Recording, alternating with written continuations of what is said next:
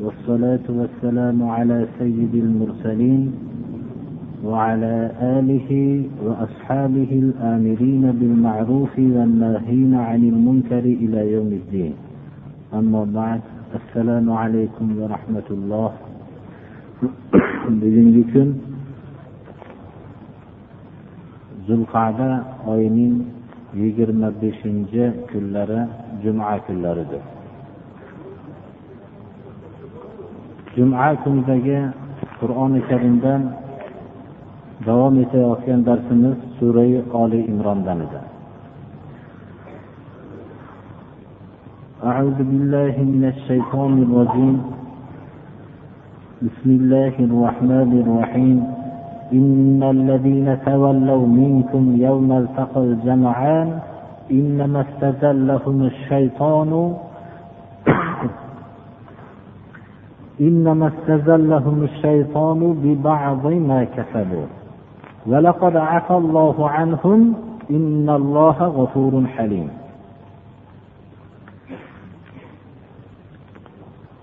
surai oli imron oyatlari bugungi darsimizda ham uhud g'azotida bo'lgan voqealarni ifodalashlikda davom etadi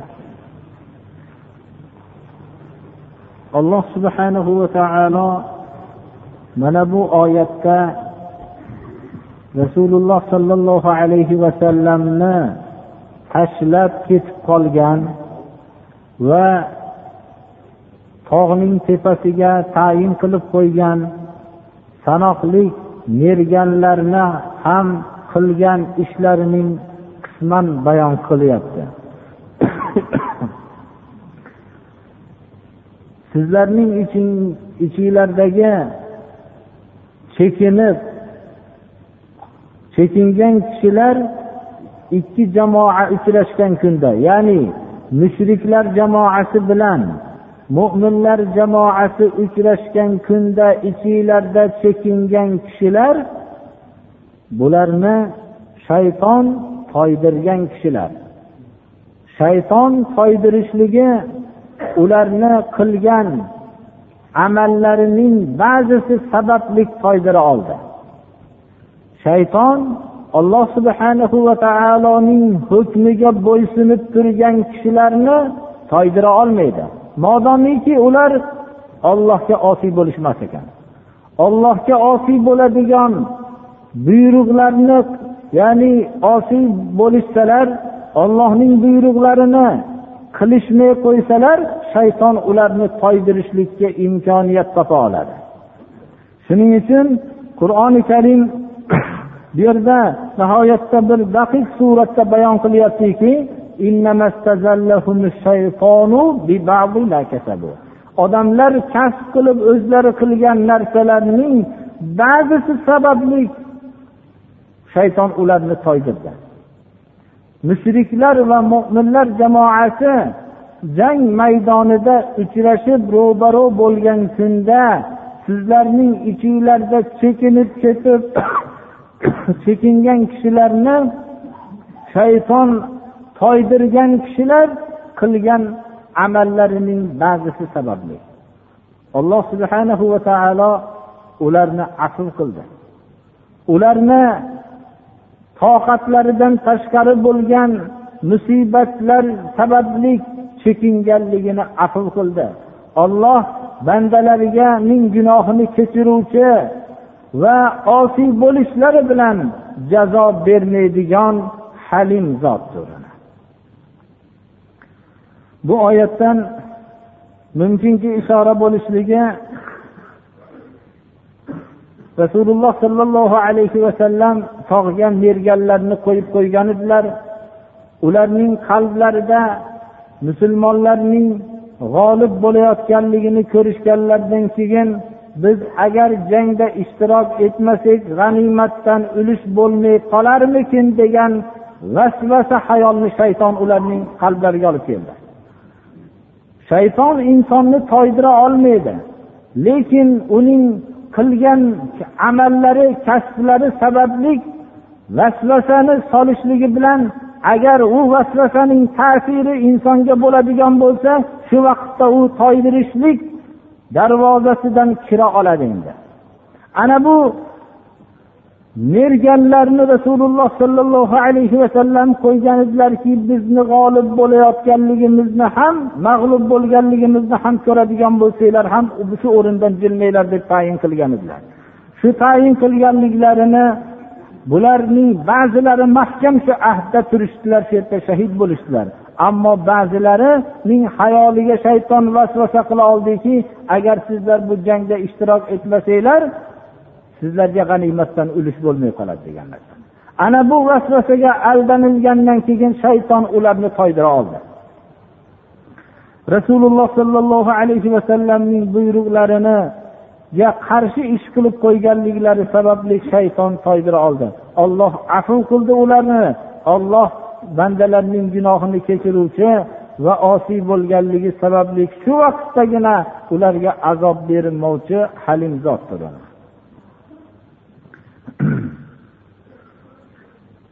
shu sababli mana avvalgi darsda ham o'tgan tarixdagi payg'ambarlarga ergashgan kishilarning bir qismlari dushmanga ro'baro bo'lganda sustlik qilishmadilar zaiflashmadilar balki ular ro'baro bo'lganda faxrlanishmadilar. Uning o'rniga ular allohga istig'for aytishdilarki xudoyo ربنا اغفر لنا ذنوبنا وإسرافنا في أمرنا وثبت أقدامنا وانصرنا على القوم الكافرين xudoyo gunohlarimizni mag'firat qilgin dedilar istig'for insonning ana shayton vasvasasini yo'lini to'sadigan amaldir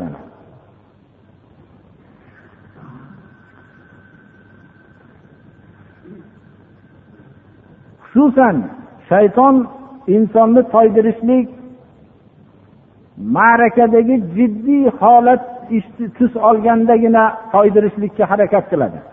Chunki bu bu vaqtdagi toydira olishligi shaytonning maqsadini hosil qilib beradi. Mushriklar bilan mo'minlar jamoasining uchrashgan vaqti bu ma'rakaning jiddiy tus olgan vaqti edi. Shayton vasvasasi ta'sir qilgan kishilarni toydira oldi alloh subhanahu va taolo afv qildi va olloh bandalarning gunohini kechiruvchi va halim zot ekanligini bayon qilyapti.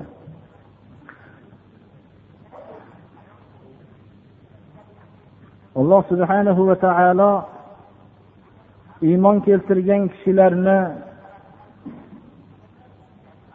kofir bo'lgan kishilarga o'xshagan bo'lishlikdan qaytaryapti.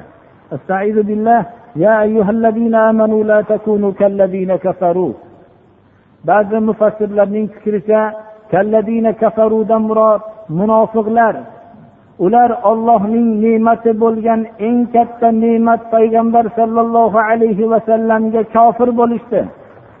Ular bu ne'matga nonko'rlik qilishdi.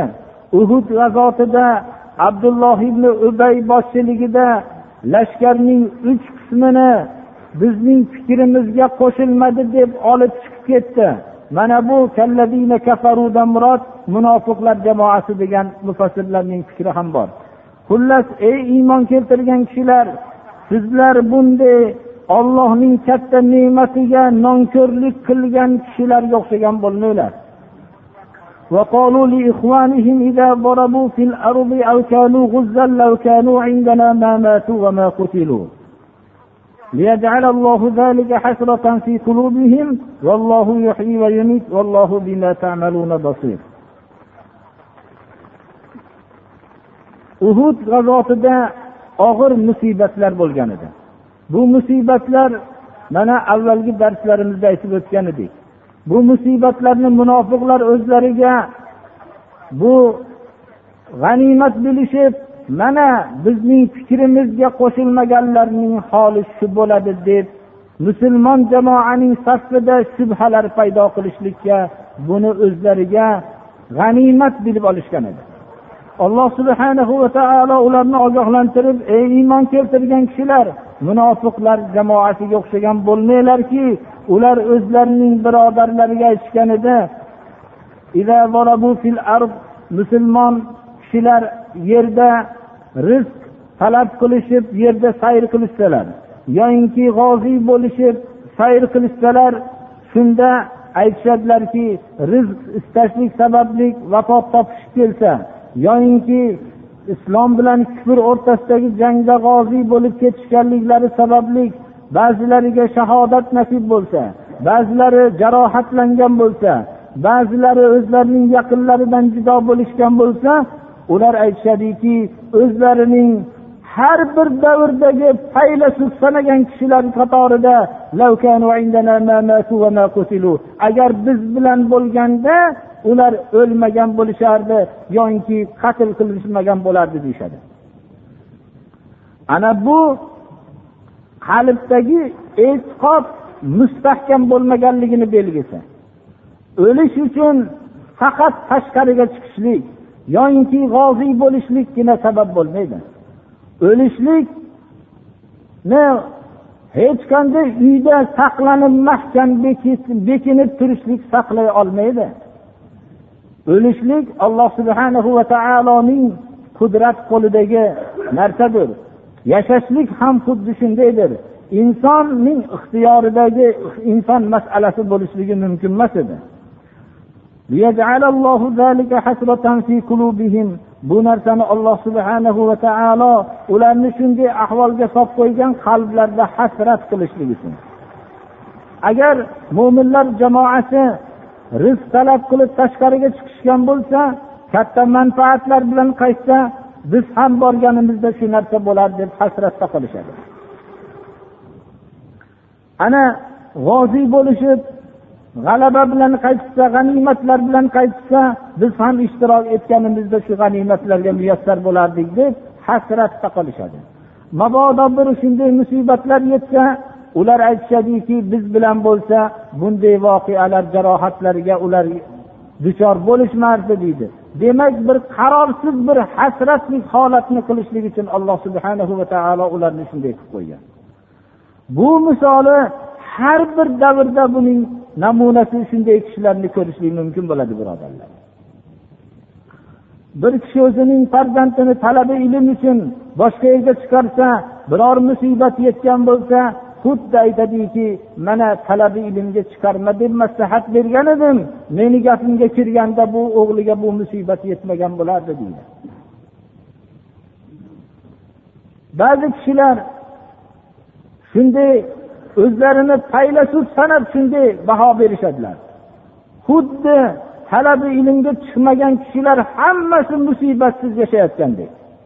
Biror bir kishi din yo'lida harakat qilib boshiga bir musibat tushsa men bunga nasihat qilgan edim. Bu yo'lda kelib harakat qilaverma odamlar seni tushunmaydi baribir bu haqiqatni aytayotganligingni boshingga shu musibat tushadi deb ogohlantirgan edim. Bu musibat mana tushdi meni fikrimga qo'shilganda musibat bo'lmasdi deb o'zini darrov faylasuf sanab oladi. Xuddi din yo'lida musibat din yo'lida xizmat qilmayotgan kishilar hammasi salomat yashagandek din yo'lida mahbus bo'lgan kishilar ham bor.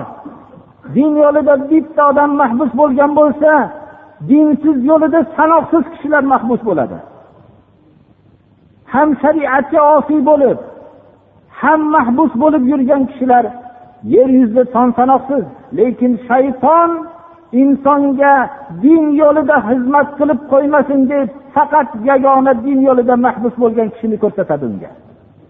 Go'yoki uni mafkurasiga shu narsani soladiki faqat mahbus bo'lishlik uchun dinga xizmat qilishlik kerak degan narsani soladi. Bu insonning qalbidagi qarorsiz bo'lgan aqidasi sababli shayton uni toydirishining misolidir alloh subhanahu va taolo bunday fikrdagi kishilarni sarohatan kofirlarga o'xshagan bo'lmanglar ey iymon keltirgan kishilar deb ogohlantiryapti birodarlar. Biz mana bu mafkuramizni o'nglab olishlikka muhtojmiz.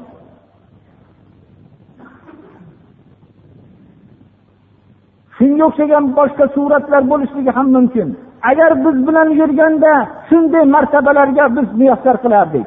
Agar biz bilan yurganda shunday muborak safarlarga muyassar qilardik deganga o'xshagan narsalarni va'da qilishliklari ham mumkin.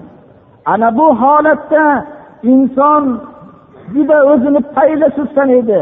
Hatto hayotni beruvchi ham menman degan o'limni bag'ishlovchi ham menman degan ilohlik davosini qilishlik darajasiga ko'tarilib ketishligi mana bu narsa vallohu alam ishora bo'lsa kerakki ey iymon keltirgan kishilar bunday kofir bo'lib qolgan kishilarga o'xshagan bo'lmanglar deb ogohlantiryapti. Inson aqidasi siljimas o'zgarmas aqida bo'lmoqligi kerak. Chunki bu aqidani o'zi yasab olgan emas alloh subhanahu va taolo tarafidan yuborilgan aqida bilan turmoqligi kerak. Ana bu aqida siljimas aqidadir. Ammo o'zi yasab olgan aqida bo'lsa u har kuni necha turga bo'linadigan aqidadir. Bu inson qalbida hasrat bo'lishlik uchun alloh subhanahu va taolo shunday qilib qo'ygan. Mana bu fikrdagi kishilar doim hasratda qolishadilar. Tiriltiradigan olloh o'ldiradigan olloh insonni uyda qamalib yotishligi din yo'lida xizmat qilmasligi insonni yashatmaydi. Din yo'lida xizmat qilishlik tashqariga chiqishlik bu narsa insonni o'ldirmaydi. Olloh yashatadi insonni olloh o'ldiradi. Mo'minning aqidasi shunday bo'lmoqligi kerak. Olloh sizlar qilib turgan amalni ko'rib turuvchidir. Undan tashqari olloh yo'lida qatl qilinsanglar ya'ni shahid bo'lsanglar yo olloh yo'lida xizmat qilib yurgan davringlarda o'lim kelsa ولئن قتلتم في سبيل الله أو متم لمغفرة من الله ورحمة خير مما يجمعون ولئن متم أو قتلتم لإلى الله تحشرون agar olloh yo'lida qatl qilinsanglar olloh yo'lida shahodat nasib bo'lsa yo olloh yo'lida yurgan vaqtinglarda olloh yo'lida xizmat qilib yurganinglarda ajal kelib vafot topsanglar olloh tarafidan sizlarga mag'firat nasib bo'ladi. Olloh tarafidan gunohlarni kechirilishlik nasib bo'ladi. Faqat gunohlarni kechirilishligining o'zi emas va rahmatun olloh tarafidan rahmat ham nasib bo'ladi. Bu gunohlarning kechirilishligi olloh tarafidan rahmatning nasib bo'lishligi sizlar to'plagan jamlagan narsalarning hammasidan yaxshidir. Insonlar nimalarni to'plashadi? Insonlar moli davlatlarni to'plashadi. Insonlar bog'u rog'larni to'plashadi. Insonlar unvonlarni to'plashadi. Insonlar ko'ksilariga belgilarni har xil shuhratlarni belgilarni ko'paytirishadilar jamlashadilar. Bu jamlagan narsalarning hammasidan ollohning mag'firatiyu rahmati yaxshidir. Boshqa maslaklar olloh yo'lida bo'lgan kurash va'da qilayotgan narsani va'da qilmaydi.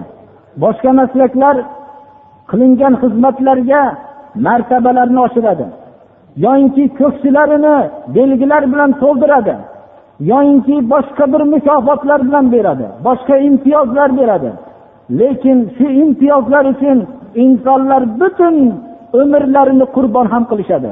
Alloh subhanahu va taolo unday narsani va'da qilmayapti. Agar ollohni yo'lida qatl qilinsanglar ollohni yo'lida vafot qilsanglar sizlarga alloh subhanahu va taolodan gunohlarning mag'firat mukofoti bo'ladi. Faqat gunohlarning mag'firatigina emas balki alloh tarafdan sizlarga rahmat ham muyassar bo'ladi. Bu sizlar to'plagan mollardan sizlar to'plagan ko'ksiylardagi belgilardan sizlar to'plagan obro'lardan hammasidan yaxshi deyapti alloh subhanahu va taolo. Mol kalimasi arab tilida umumiy ma'noni bildiradi. Sizlar to'plagan hamma narsadan yaxshi. Inson olloh yo'lida qatl qilinishlik hayoliga kelganda farzandsiz bo'lsa farzandsiz qolarmikinman farzandlar jamlamasdan mening naslim yo'qolib ketarmikin degan hayol ham kelishi mumkin. Sizlar to'plagan farzandlardan ham olloh yo'lidagi qatl qilinishlik olloh yo'lidagi o'lishlik afzaldir. Mana bu narsaning ashobi kiromlar ko'p yaxshi tushunishdilar. Bular bu oyatlarning faqat o'qib o'rganibgina qo'ymasdan balki hayotlarida tasbih qilishdilar olloh yo'lida o'lsanglar olloh yo'lida qatl qilinsanglar baribir ollohning huzurigagina borasizlar. Insonlar hammasi o'ladi ammo hammalariga shahodat nasib bo'lmaydi. Alloh subhanahu va taoloning ne'mati muyassar bo'lgan kishiga shahodat nasib bo'ladi. Odamlar xoh o'lishsin xoh o'ldirilgan bo'lishsin bular ollohning huzurigagina jamlanishadi. Alloh subhanahu va taoloning huzurida hisob kitob bo'ladi mana. Bu oyatlarni ashobi ikromlar o'zlarining hayotlarida buni ko'rib yashashdilar. Uhud g'azotida xususan anas ibn nabr ismli sahoba roziyallohu anhu bu kishi shunda ashoblardan bittalarini ko'rib uhudda uhud tarafiga qarab chopib ketayotganlarida ey anas qayerga ketyapsiz? deganlarida uhudning buyog'idan jannatni hidi kelyapti dedilar. Ana shu yerda jangda shahid bo'ldilar. U kishining saksontadan ko'ra ko'proq nayza suqilgan shamshir bilan zarbalangan va uzun kamonlar suqilingan a'zolarida shuncha shakllar hammasi bor edi. Butun jasadlari pora bo'lib ketgan edi.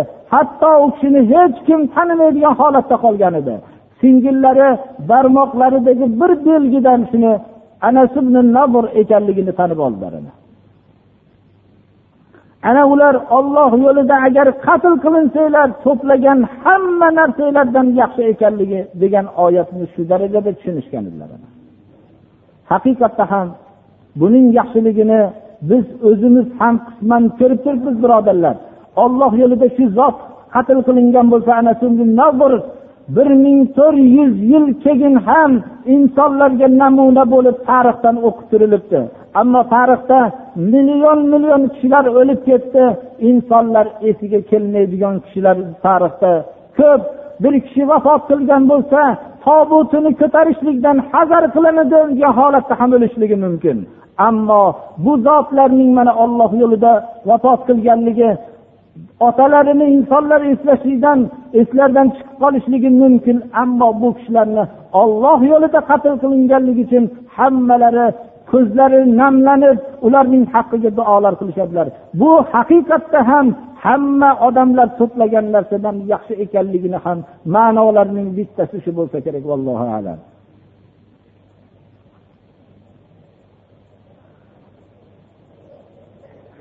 Rasululloh sollallohu alayhi vasallam uhud g'azotida ashoblar bilan shunchalik katta dars olgan edilar. Uhud g'azoti qiyomatgacha bo'lgan musulmonlarga dars bo'lib qoldi.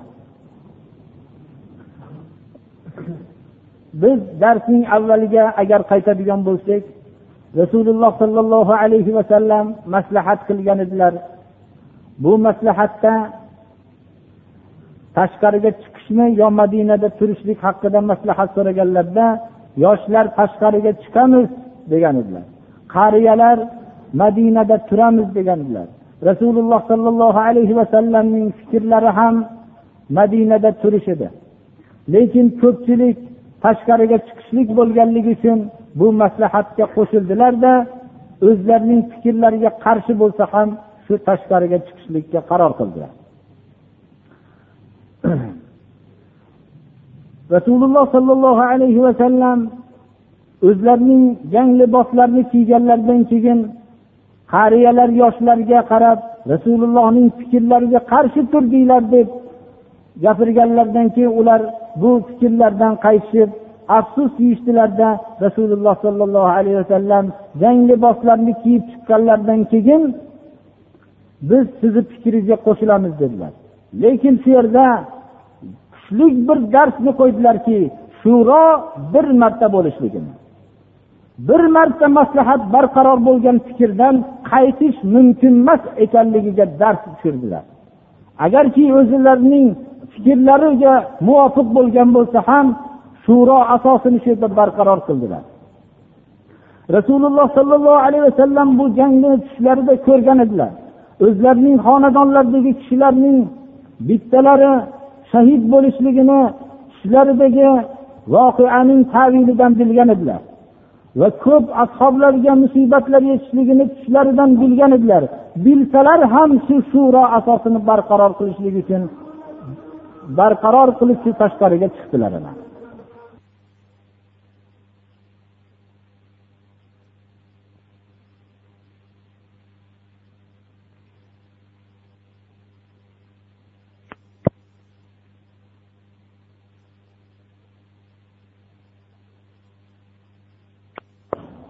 Bu voqealar o'tgandan keyin rasululloh sollallohu alayhi vasallam qalblarida bir alam bor edi.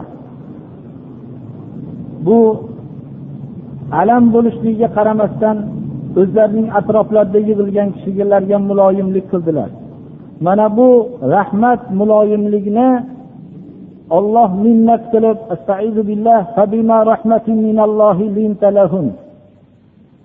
siz olloh tarafidan bo'lgan rahmat sababli ularga muloyimlik qila oldik.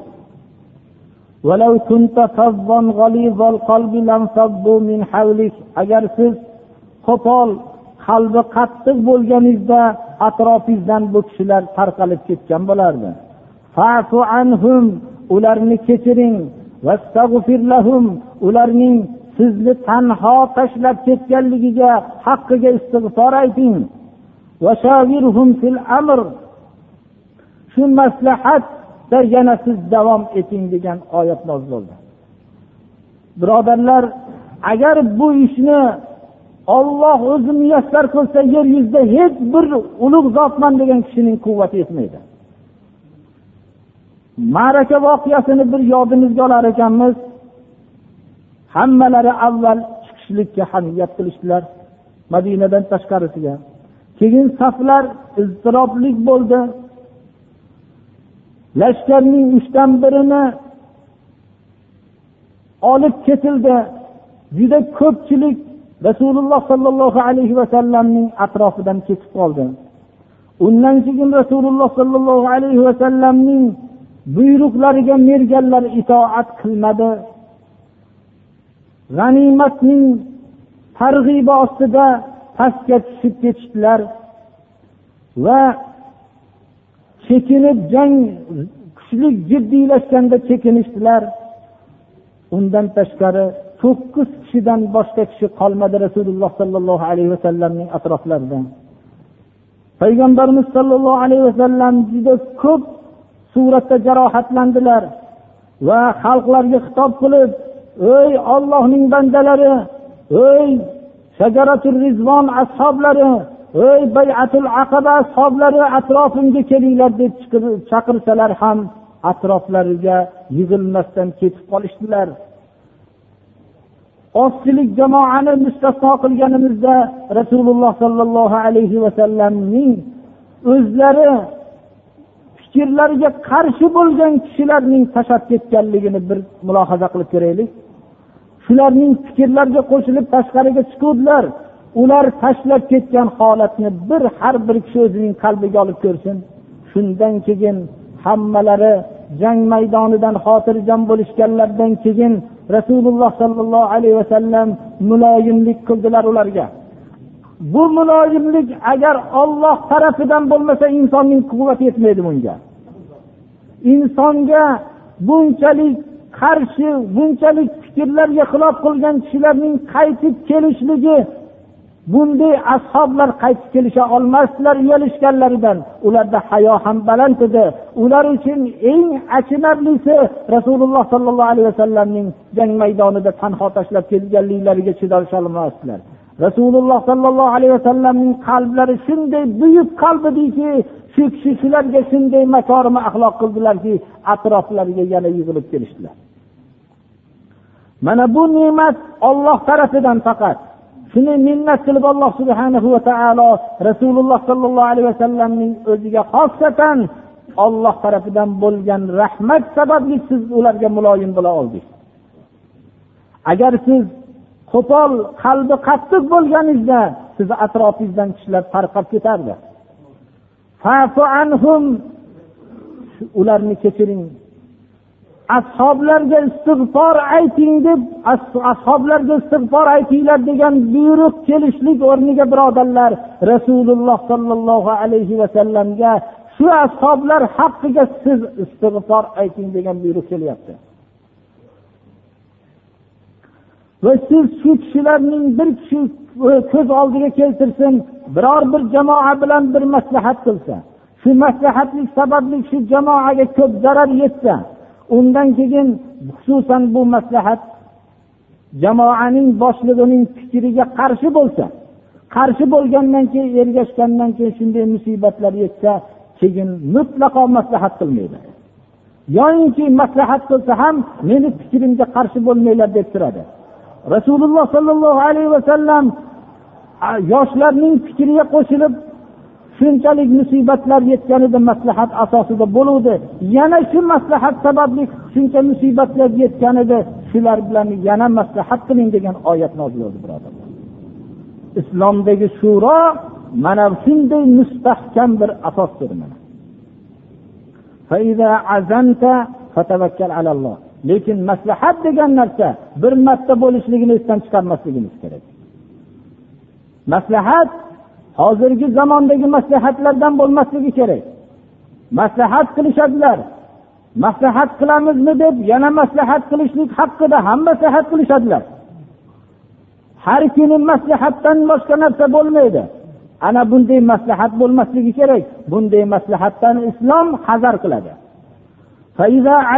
Endi maslahat asosli bir ishga jiddiy qo'l urdingizmi?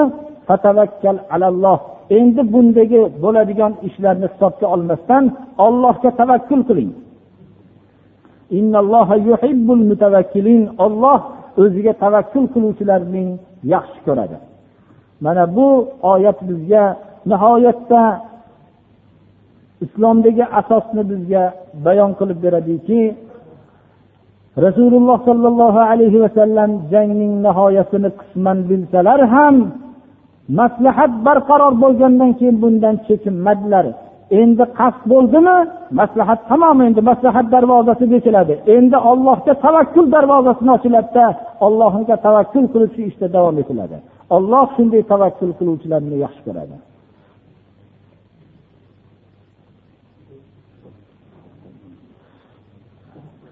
Mana uhud g'azotidagi bo'lgan darslarning bir qismi birodarlar. Mana bizning bizlarga alloh subhanahu va taolo tarafidan kelgan qur'on oyatlarining ma'nolarining ba'zilari. Agar biz shu ma'nolarni o'zimizning hayotimizga tadbiq qilib olar ekanmiz bizda butun boshqa bir holat vujudga keladi. Amin. Alloh subhanahu va taolo qur'oni karimning ma'nolarini qalbimizga jo qilsin. Shularga amal qilishlikka alloh tavfiq bersin. Va hozirgi vaqtda shuni ham eslab qo'yishimiz kerak. Zulhijja oyi kirib kelyaptilar. Bunda butun dunyodan alloh subhanahu va taologa labbayka aytib haj safariga otlanishga tayyorgarlik ko'rishyaptilar. Alloh subhanahu va taolo shu safarga ketayotgan kishilarning hajjilarini hajji mabrur qilsin. Va shu bilan birga hajga borolmayotgan mustazafillarga ham alloh subhanahu va taolo o'zi faqat o'zi tarafidan bir madad bersin. Va shuni ham aytib o'tishimiz kerakki hajdan to'sgan tarixda bundan bir ming to'rt yuz yil ilgari rasululloh sollallohu alayhi vasallamning yo'llarini ashoblar bilan birga kelishayotgan vaqtlarda hudaybiyada to'silgan edi birodarlar. Buni biz bir tarixda o'qib o'rgangan edik tarixda eshitgan edik shu narsani. Lekin shu to'sishlik ham yana yilga kelishlik sharti bilan to'silgan edi. Hammalari mushriklar tashqariga chiqib turishib makkani biz bo'shatib beramiz sizlar haj qilib olasizlar deb shu mushriklar ham shunchalik insof qilishgan edi birodarlar. Ammo biz bir ming to'rt yuz yil keyin shunday narsalarning ham guvohi bo'lib turibmiz. Bu tarixiy voqeagina bo'lmasdan hozirgi vaqtda haj safaridan o'zini musulmon sanagan biz insonlar deb atashlikdan ham o'ylanib qolamiz birodarlar. Shunday kimsalar paydo bo'lib mana haj safaridan to'silgan kishilar ham bo'ldi. Bunga bu maqsad bu fitna uyushtirishlik maqsadida bo'lgan bo'lsa biz allohga hamd aytamizki mana shu jome madrasa masjidida biror bir kishini shunga biror bir shu fitnaga aldanmaganligi uchun faqat alloh subhanahu va taoloning o'ziga hamdlar bo'lsin. biz shundan bir qisman quvonamizki shularning mafkuralari sekin asta ochilib borayotganligini belgisi deb bilaman alloh subhanahu va taolo hamma xalqimizga ham islomiy ongni ato qilsin hammalari ham fitnalarga aldanmaydigan haqiqiy musulmon onglik musulmonlar bo'lishligini alloh subhanahu va taolo hammalariga nasib qilsin اهدنا الصراط المستقيم صراط الذين أنعمت عليهم غير المغضوب عليهم ولا الضالين.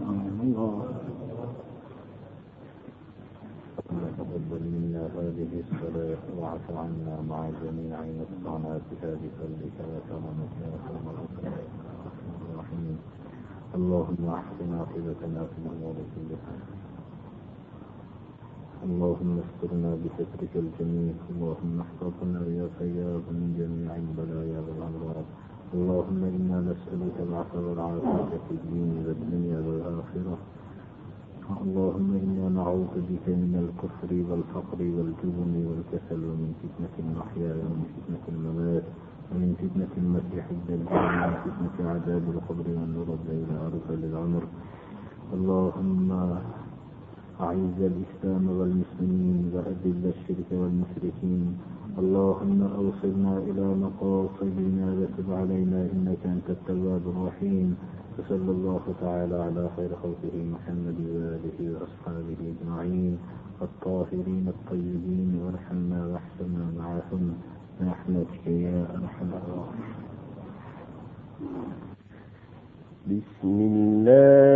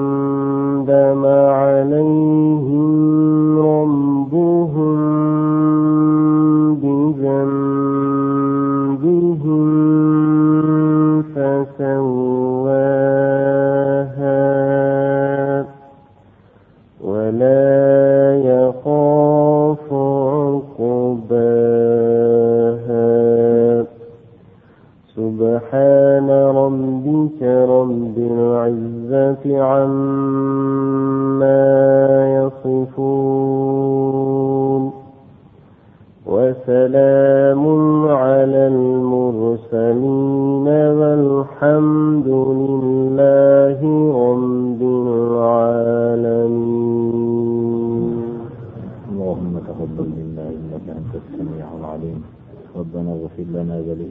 والذين سبقونا بالإيمان ولا تجعل في قلوبنا غلا للذين آمنوا. ربنا إنك رؤوف رحيم.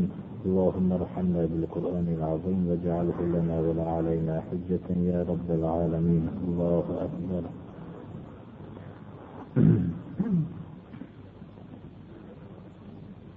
alloh taolo hammamizni gunohlarimizni mag'firat qilsin ibodatlarimizni qabul qilsin mehmonlarimizni qadamlariga hasanotlar bersin. Alloh subhanahu va taolo ana bir duo qilaylik. Butun jahondagi hamma musulmonlarni qilayotgan safarlarni alloh subhanahu va taolo safari muborak qilsin hajji mabrur qilsin.